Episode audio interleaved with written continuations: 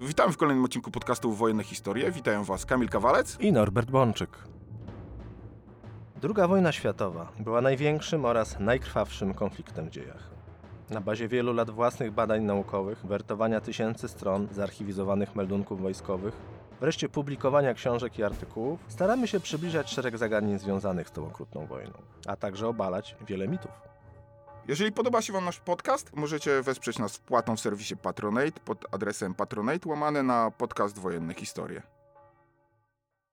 Norbert, porozmawiajmy dzisiaj o takim nietypowym dość temacie, o Wunderwaffe Hitlera. Porozmawiajmy o tym, czy w ogóle Hitler miał Wunderwaffe, co to ewentualnie było to Wunderwaffe i, i zastanówmy się nad tym, czy Niemcy tak naprawdę były krajem zaawansowanym technicznie, jeżeli chodzi o broń w czasie II wojny światowej. Temat cudownych broni Hitlera, czyli Wunderwaffe, po, po niemiecku Wunderwaffe, dosłownie cudowna broń, to jest temat, nawet bym powiedział, który przeniknął do popkultury i kiedy No, y, oczywiście. Discovery o 23 i Wunderwaffe i Hitler i y, UFO. No wiesz co, akurat o tym nie myślałem, bo to rzeczywiście zostawmy już o 23 godzinie w telewizji. Mm, Natomiast tutaj powiem tak, no temat cudownych broni Hitlera jest dosyć popularny, kiedy mówimy o tematyce II wojny światowej w kontekście, nazwijmy to, technikaliów wojny i postępu technicznego czasów II wojny światowej. Inną sprawą jest oczywiście to, jak to naprawdę wyglądało, ale zapytać tak przeciętnie osoby, która się interesuje II wojną światową, to coś o tych cudownych broniach Hitlera słyszała. Powiedzmy w takim razie, co to było Wunderwaffe? To był zasadniczo blef. To był taki blef Hitlera i Goebbelsa z końca II wojny światowej, kiedy Rzesza Niemiecka zaczęła przegrywać wojnę na wszystkich frontach, a miało ich kilka, bo Hitler obiecywał, że nigdy nie dopuści do tego, aby Niemcy walczyli na dwa fronty, więc walczyli w sumie aż na pięć pod koniec wojny, licząc łącznie z frontem powietrznym i frontem morskim. I wtedy pojawiła się koncepcja mm, propagandowa, kierowana przede wszystkim do społeczeństwa niemieckiego, do żołnierzy niemieckich, cudownej broni, która głosiła, słuchajcie, no teraz jest kryzys, przegrywamy na wszystkich frontach, cofamy się, ale nie traćcie nadziei, walczcie, wytrwajcie na zapleczu, bo już w przygotowaniu jest Wunderwaffe. Nasi inżynierowie, nasi technicy tworzą już na zapleczu takie środki walki, które odmienią losy wojny i sprawią, że to ostatecznie Niemcy będą zwycięzcami tej wojny i to jest właśnie to Wunderwaffe, które pojawiło się w niemieckiej propagandzie. Wiemy, że nie były to tylko puste propagandowe hasła, no jednak Niemcy tworzyli swoje Wunderwaffe, cudowne bronie. I czy możemy powiedzieć, że naprawdę któraś z tych broni była rewolucyjna i przełomowa? To znaczy, może zacznijmy od początku, czyli od tego, że w latach 30. i 40. XX wieku tak naprawdę istniały cztery czołowe państwa, potęgi przemysłowe, które miały najbardziej zaawansowane technologie i możliwości. To były Stany Zjednoczone, jako absolutny lider. Potem w sumie było długo, długo nic. No i państwa europejskie, trzy państwa europejskie: Niemcy, Wielka Brytania i Francja. To były państwa z pierwszej ligi. Ani Związek Radziecki, ani Japonia, ani Włochy to nie były państwa, które w jakikolwiek sposób pod względem zaawansowania dostępności technologii można porównać do takich państw jak Stany Zjednoczone, Niemcy czy Wielka Brytania. No więc jeżeli gdzieś będziemy poszukiwać takich prawdziwie cudownych broni, to mamy Stany Zjednoczone, Wielką Brytanię i Niemcy. I te państwa w czasie II wojny światowej przodowały w różnych rozwiązaniach technicznych, no ale najbardziej zaawansowanym pa- państwem, które ostatecznie osiągnęło największe rezultaty, to były Stany Zjednoczone, a nie Niemcy. Ale Niemcy oczywiście również miały swój udział. Jeżeli spojrzymy po 80 latach na, na współczesną wojskowość, to dzisiaj status supermocarstwa mają państwa, które są A. posiadaczem broni jądrowej, B. posiadają zaawansowane środki przenoszenia, C. dysponują zaawansowaną technologią, e, nazwijmy ją cyfrową. No jeżeli tak spojrzymy na to z dzisiejszej perspektywy, to wszystkie te trzy czynniki, które decydują o tym, czy ktoś jest dzisiaj supermocarstwem i jest w stanie toczyć wojnę na, na takim poziomie, że właściwie jest to wojna zagłady, całkowitej zagłady, to wszystkie te elementy pojawiają się w II wojnie światowej. W II wojnie światowej bowiem pojawia się coś takiego jak broń jądrowa, pojawia się coś takiego jak zaawansowane środki przenoszenia w postaci pocisków rakiet balistycznych. No i trzeci element to jest komputeryzacja i powiedzmy jeszcze do tego, dodajmy do tego w ogóle użycie mm, fal radiowych od radaru poczynając. W II wojnie światowej po żadnej ze stron, ani po stronie alianckiej, ani po niemieckiej nie pojawiły się te wspomniane przeze mnie elementy wspólnie. To znaczy, te państwa tocząc ze sobą śmiertelny bój w II wojnie światowej, ostatecznie wygenerowały z siebie te środki walki, ale nie wszystkie jednocześnie. Niemcy to przede wszystkim broń rakietowa, Amerykanie broń jądrowa, bomba atomowa, Anglicy powiedzmy, że radar. Niemcy, co tutaj może jest rzeczywiście już zna- znacznie mniej znane, to są również komputery. No bo jeżeli dzisiaj kogoś spytamy o historię komputerów i ich udział w II wojnie światowej, to jednak dominować będzie narracja powiedzmy ta anglosaska, która dominowała przez kilka dekad po wojnie, że to jednak alianci mieli przewagę w rozwoju komputerów, no bo wszyscy słyszeli o ENIAC-u, o tym zaawansowanych maszynach liczących IBM jeszcze z przedwojny, no i oczywiście o brytyjskich maszynach Colossus, które były używane do łamania niemieckich szyfrów. I to wszystko jest prawda, ale nie do końca, bo dzisiaj e, jednak się uznaje, że pierwszym w pełni programowalnym komputerem był niemiecki Z3. To jest taka maszyna licząca, która na wiele dekad zniknęła w mroku dziejów, ale ostatecznie wróciła. Tak? Dzisiaj Niemcy szczycą się tym, że byli również pionierami, jeśli chodzi o komputery. Wróćmy jednak do głównego tematu, czyli do Wunderwaffe. Wspomnieliśmy już o tym, że Niemcy dysponowali rakietami, czyli rakietami V2. Ale to zostawmy na razie na boku. Może zacznijmy od innych broni, które moglibyśmy nazwać Wunderwaffe. O czołgach już tam troszkę rozmawialiśmy we wcześniejszych podcastach. Tak, Niemcy nie mieli żadnych czołgów Wunderwaffe. I Jeśli chodzi o ich czołgi, to y, nie byli to bynajmniej przodujący. No, generalnie chyba wśród e, broni e, armii lądowej ciężko jest znaleźć po niemieckiej stronie tak naprawdę jakieś super odkrywcze rozwiązania techniczne. Tak, to, to znaczy można by powiedzieć, że II wojna światowa oczywiście przyniosła olbrzymi postęp w zakresie walki na lądzie, ale paradoksalnie ten postęp w zakresie walki na lądzie był najmniejszy. To znaczy, jeżeli porównać to z e, rozwojem technologii chociażby lotniczych i wspomnianych rakietowych, wreszcie z czymś takim jak broń jądrowa, no to tak zwane klasyczne pole walki tutaj najmniej się rozwinęło, chociaż oczywiście Niemcy stworzyli pewną koncepcję walki, ona się właściwie zaczęła wykuwać jeszcze w okresie końca I wojny światowej, a w II wojnie światowej znalazła swoją dojrzałą formę, czyli coś, co nazywamy połączonym polem bitwy. To Niemcy wygenerowali z siebie, to obowiązuje po dzień dzisiejszy, ale to nie jest technika, tak? No Znaczy, tak. oczywiście ona się opiera na technice, bo nie za, bardzo ważnym elementem jest tutaj łączność radiowa. Ale wszystkie urządzenia techniczne, które zostały wykorzystane w rozwoju taktyki czy sztuki operacyjnej, one już były na stole, tak? One nie było tu przełomu. Oczywiście ktoś może powiedzieć, że na przykład to Niemcy ostatecznie jako pierwsi na masową skalę wprowadzili broń ręczną na, e, na nabój pośredni, co jest dzisiaj standardem, czyli przeszli z karabinów na karabinki, ale to nie jest jakieś e, naprawdę istotne, całkowicie zmieniające pole walki wydarzenie. Nawet, nie wiem, to tak samo jak można powiedzieć, że amerykański zapalnik zbliżeniowy dla artylerii no, jest bardzo istotnym elementem, ale też nie zredefiniował lądowego pola walki, więc tutaj jakby ten postęp był rzeczywiście e, najmniejszy. Nawet eksperymenty z naktowizorami. Tutaj Niemcy robili takie eksperymenty, ale to pozostało w sferze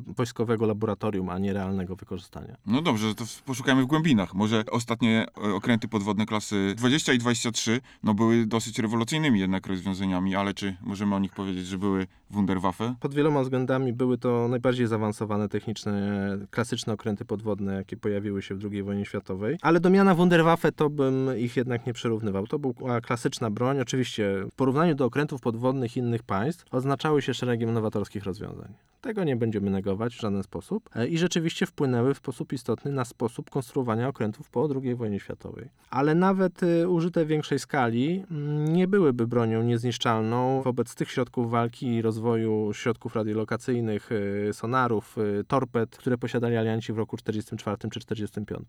Więc tutaj to była bardzo zaawansowana broń, ale absolutnie również nie zasługuje na miana Wunderwaffe. Nieprzełomowa. Nie przełomowa. No zostaje nam tylko lotnictwo i rakiety V2, o których jeszcze za chwilę powiemy, skoro stwierdziliśmy, że one były dość przełomową bronią, ale może porozmawiajmy o niemieckich samolotach odrzutowych. No Czy tak, one to nie to- mogły stanowić przełomu? To jest bardzo ciekawe rzeczywiście zagadnienie, bo jeżeli mm, osobę, która interesuje się II wojną światową zapytać o, o lotnictwo, to będzie miała przed oczami te niemieckie samoloty odrzutowe, przede wszystkim, no już mniej rakietowe, ale tutaj ktoś będzie mógł powiedzieć, o, tutaj Niemcy wprowadzili rozwiązania, które wyprzedzały swoją epokę, albo które były lepsze niż miał przeciwnik, ale to jest po prostu nieprawda. Dlaczego to jest nieprawda? Dlatego, że Niemcy nie byli e, jedynymi prekursorami rozwoju napędu odrzutowego i nie jedyni używali samolotów odrzutowych w II wojnie światowej. Mało tego, oni postanowili pójść drogą, która ostatecznie okazała się być e, dyskusyjna. Otóż, no może wyjaśnijmy, nie tylko Niemcy byli prekursorami napędu odrzutowego, ale również Brytyjczycy. Z jednej strony mamy w Wielkiej Brytanii Franka White'a, który buduje swoje silniki odrzutowe, a w Niemczech mamy zespoły Hans von Ochan i innych, którzy budują swoje silniki odrzutowe, więc mamy już rywalizację. To nie jest tak, że w jednym państwie coś powstaje a w innych państwach nie ma na ten temat prac, poszukiwań i tak dalej. Tylko, że silnik odrzutowy silnikowi odrzutowemu jest nierówny. Bardzo istotnym elementem na przykład w- budowie silnika jest kwestia zastosowanej sprężarki. Silnik odrzutowy, który naprawdę jest silnikiem przełomowym, bo silniejszym, bo da- wydającym większą moc w stosunku do silniku tłukowego, to jest silnik na sprężarkę osiową. Ale taki silnik jest bardziej skomplikowany i wymaga większych reżimów technologicznych. Prostszymi silnikami odrzutowymi są te ze sprężarkami odśrodkowymi. I w czasie II wojny światowej właśnie powstał taki spór, zarówno w Wielkiej Brytanii, jak i w Niemczech. Czy szybciej wprowadzić do produkcji samolot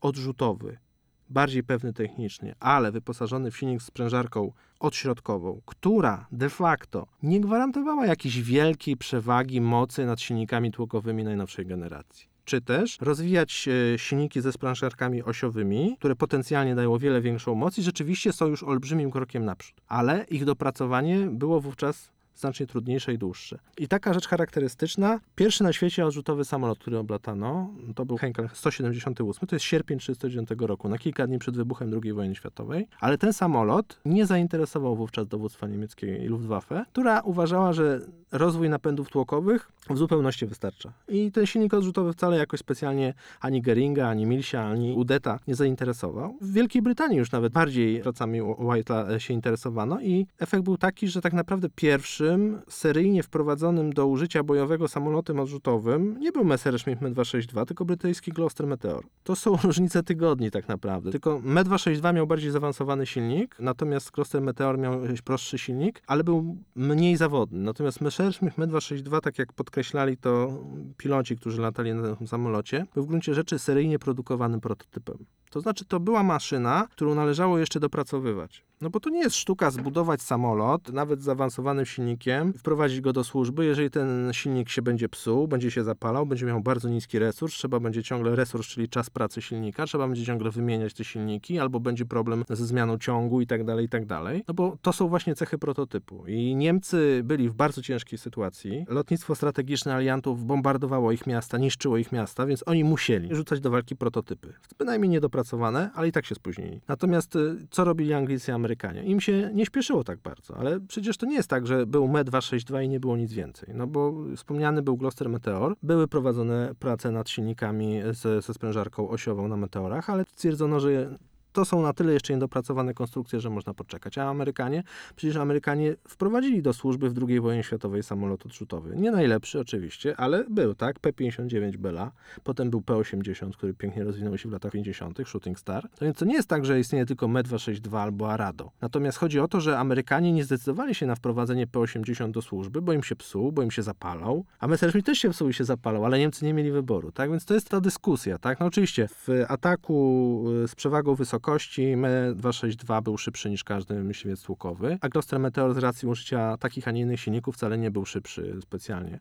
Ale w warunkach pola walki, jeżeli Messerschmitt zwalniał, wiele było przypadków, że myśliwce tłokowe atakujące z przewagi wysokości nurkowania mogły strącić samolot odrzutowy, tym bardziej, że Me-262 wolno się rozpędzał, wolno się wznosił, wolno lądował, potrzebował wówczas specjalnej ochrony. To nie był samolot, y, który dawał realny przełom. To nie była taka technologia, taka różnica techniczna, która mogłaby zniwelować tą miażdżącą przewagę aliantów nie tylko liczebną, ale pod koniec wojny również pod względem wyszkolenia, bo z jednej strony mieliśmy młodych niemieckich pilotów, a z drugiej strony mieliśmy znacznie lepiej wyszkolonych po dłuższych stażach pilotów amerykańskich czy brytyjskich. Więc czy Arado 234 czy Me-262 to nie była technologia przełomu, dlatego że przeciwnik miał broń podobną. Nie śpieszył się z jej użyciem, ale miał broń podobną. No właśnie, podobnej broni jak V2 nie miał nikt.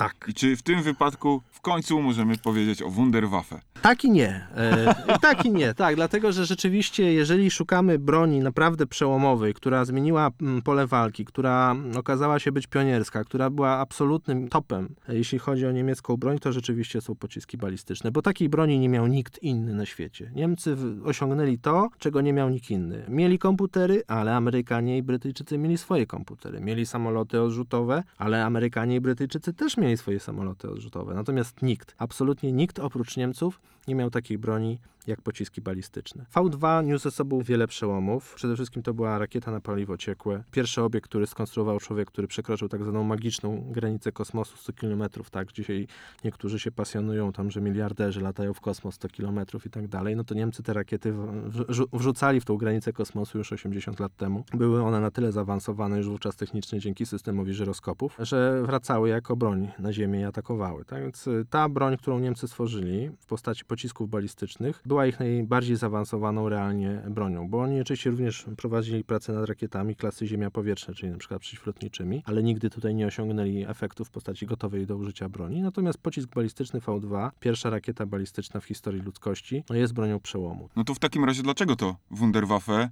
nie odwróciło losów wojny? No bo to nie do końca było Wunderwaffe, dlatego że, tak jak powiedziałem na początku, do Wunderwaffe potrzebujemy paru elementów. Musimy mieć e, środek rażenia i środek przenoszenia. I tutaj V2 to jest bardzo zaawansowana technicznie broń, tylko bez głowicy. No bo jakąż to głowicę miała rakieta V2? Otóż miała jednotonową głowicę, to był ekwiwalent jednotonowej bomby. No to jeżeli wydajemy setki milionów Reichsmarek na opracowanie takiej broni, jeżeli poświęcamy na to wiele lat pracy, a koniec końców e, pojawia się broń, która no niewiele może.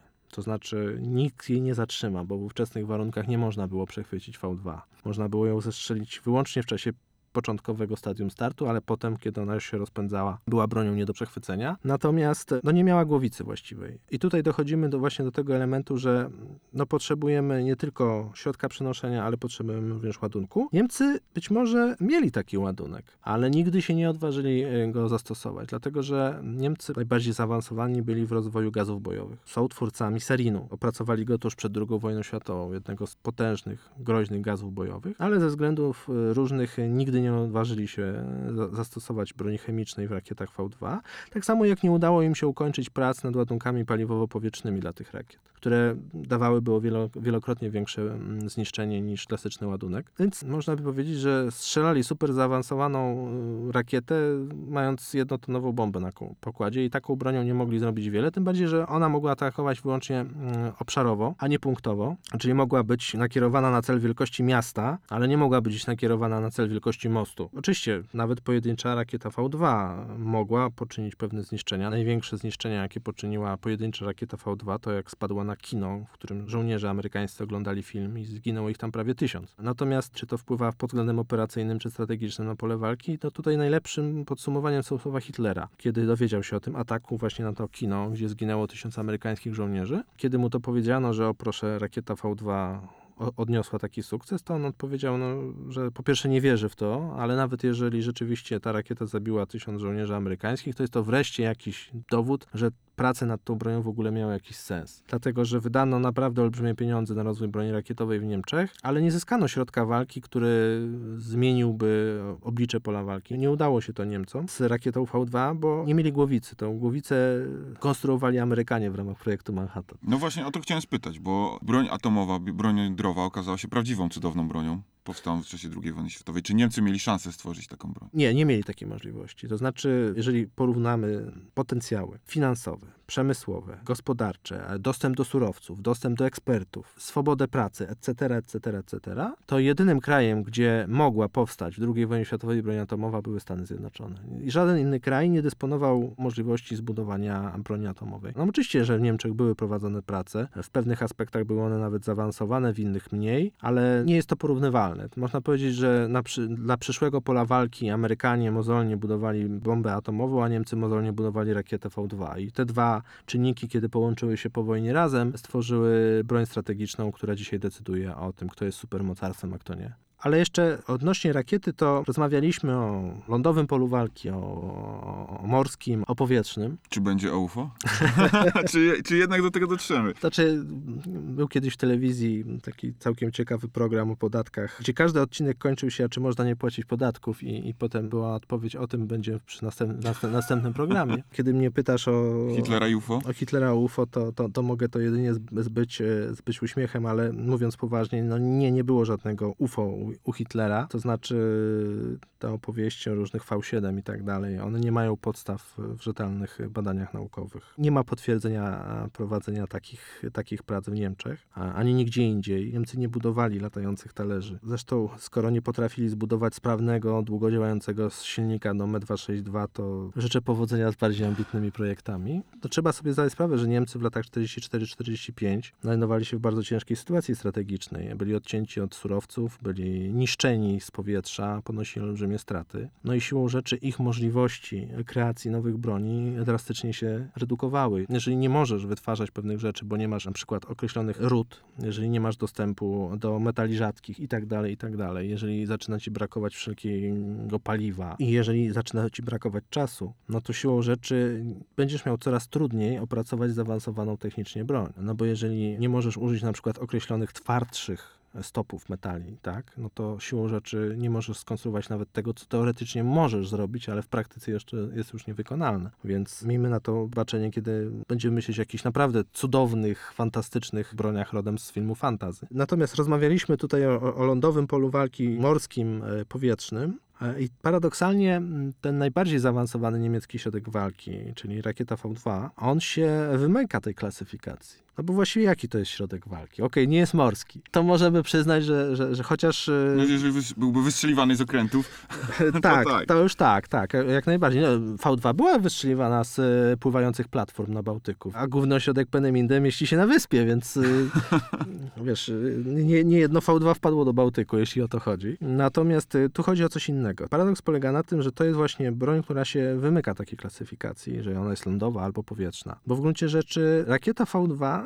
nie jest bronią powietrzną. To jest środek walki, który dzisiaj byśmy zakwalifikowali jako pocisk Ziemia-Ziemia. Wystrzeliwany jest z lądu i cel też jest na lądzie. On się mi- przemieszcza w atmosferze, a potem nawet w górnych partiach atmosfery. Ale V2 została opracowana, zamówiona przez wojska lądowe, bo to tak naprawdę jest środek artyleryjski. To znaczy, to nie jest samolot, to jest pocisk, tyle że rakietowy. W czasie I wojny światowej Niemcy mieli działo kolejowe, które ostrzeliwało z, z dużej odległości Paryż i V2 u swojego zarania miała właśnie taką koncepcję artylerii dalekonośnej. I to wojska lądowe, a nie siły powietrzne dały pieniądze na, na V2. Potem V1 opracowywało Luftwaffe. No właśnie, a dlaczego V1 nie możemy nazwać Wunderwaffe? Przecież Londyn był zasypywany tymi latającymi bombami. Dlaczego uważasz, że to nie było w żaden sposób przełomowy środek walki? Przede wszystkim ze względu na bardzo ograniczone możliwości tego pocisku rakietowego. e, Zresztą miał pro, prosty silnik pulsacyjny. W zakresie napędu nie był to jakiś wyjątkowy przełom, chociaż to oczywiście była w warunkach II wojny światowej broń zaawansowana. Pocisk V1 e, był stosunkowo powolnym e, pociskiem,